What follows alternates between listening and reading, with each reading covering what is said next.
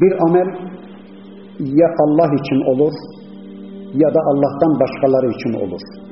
Eğer bir amel Allah adına Allah için olmuşsa o makbuldür. Allah'tan başkaları için olmuşsa o merduttur. Bazen de hem Allah için hem de başkaları için olabilir. Yani ben bir amel işleyeceğim, hem Rabbimi razı edeyim, hem de çevremdeki insanlar beni beğensinler, beni bir alkışlasınlar.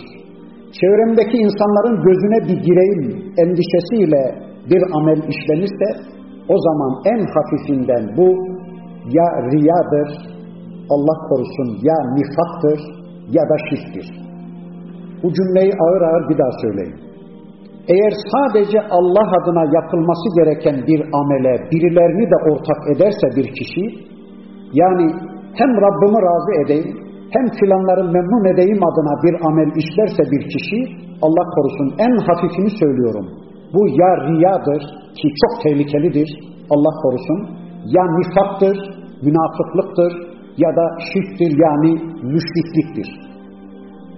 Çünkü bakın bir hadisi kutside Rabbimiz buyurur ki ben ortaklıktan beriyim.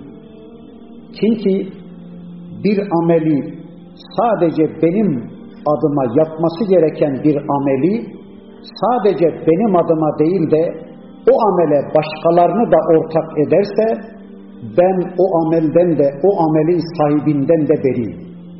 Bir başka hadisi kutsi yarın Rabbimiz hadi bakalım filanları bana bu amel konusunda ortak koşmuştun. Git mükafatını onlardan iste.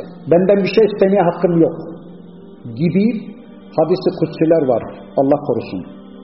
Peygamber Efendimizin de bu konuyu anlatan hoş bir hadisi vardı. Men semma'a semma Allahu bihi ve men yurai yuraillahu bihi. Kim ki şöhret olsun diye insanların alkışına, teveccühüne, beğenisine ulaşayım diye bir ameli insanlara göstermek isterse, işittirmek isterse Allah onun amelini insanlara işittirir Alkışa mı ihtiyacı var? Alkışı gönderir Allah. İnsanların teveccühüne mi ihtiyacı vardı? Onun için mi insanlara gösteriş yapıyordu? Allah insanların teveccühünü, alkışını gönderir.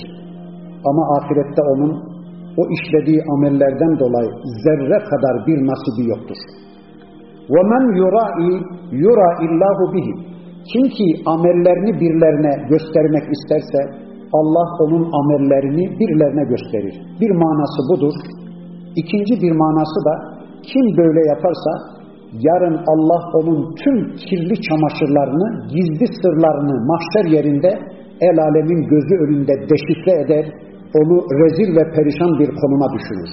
Veya Allah kıyamet günü onun işlediği dağlar gibi amelleri şöyle karşısına getirir, hasret duysun diye, kahrolsun diye o amelleri tuz buz ediverir, zerre kadar o amellerin karşılığında bir mükafat vermez, onu rezil ve perişan bir konuma düşürüverir. Niye? Çünkü sadece Allah için yapılması gereken bir amele başkalarını ortak etmiş, hem Allah beğensin hem birileri beğensin adına o amelleri işlemiş, böylece Allah korusun ya riya ya nifak ya da şirk içine düşmüştü o kişi. Adam üç kuruş fakire bir şeyler verecek, eli cebine giderken gözü de sağda solda. Kaç kişi görüyor acaba, kimler görüyor ki filan diye. Gözü sağda solda. Ya kime gösteriyorum? Kime gösteriyorum ya? Allah için infak ediyorsan kimseye gösterme. O ameline Allah'tan başkalarını ortak etme de o amelin Allah katında değerlendirilsin ya. Ne gerek var buna? Riya gerçekten çok çok kötü bir şeydir. Aman ona dikkat edelim.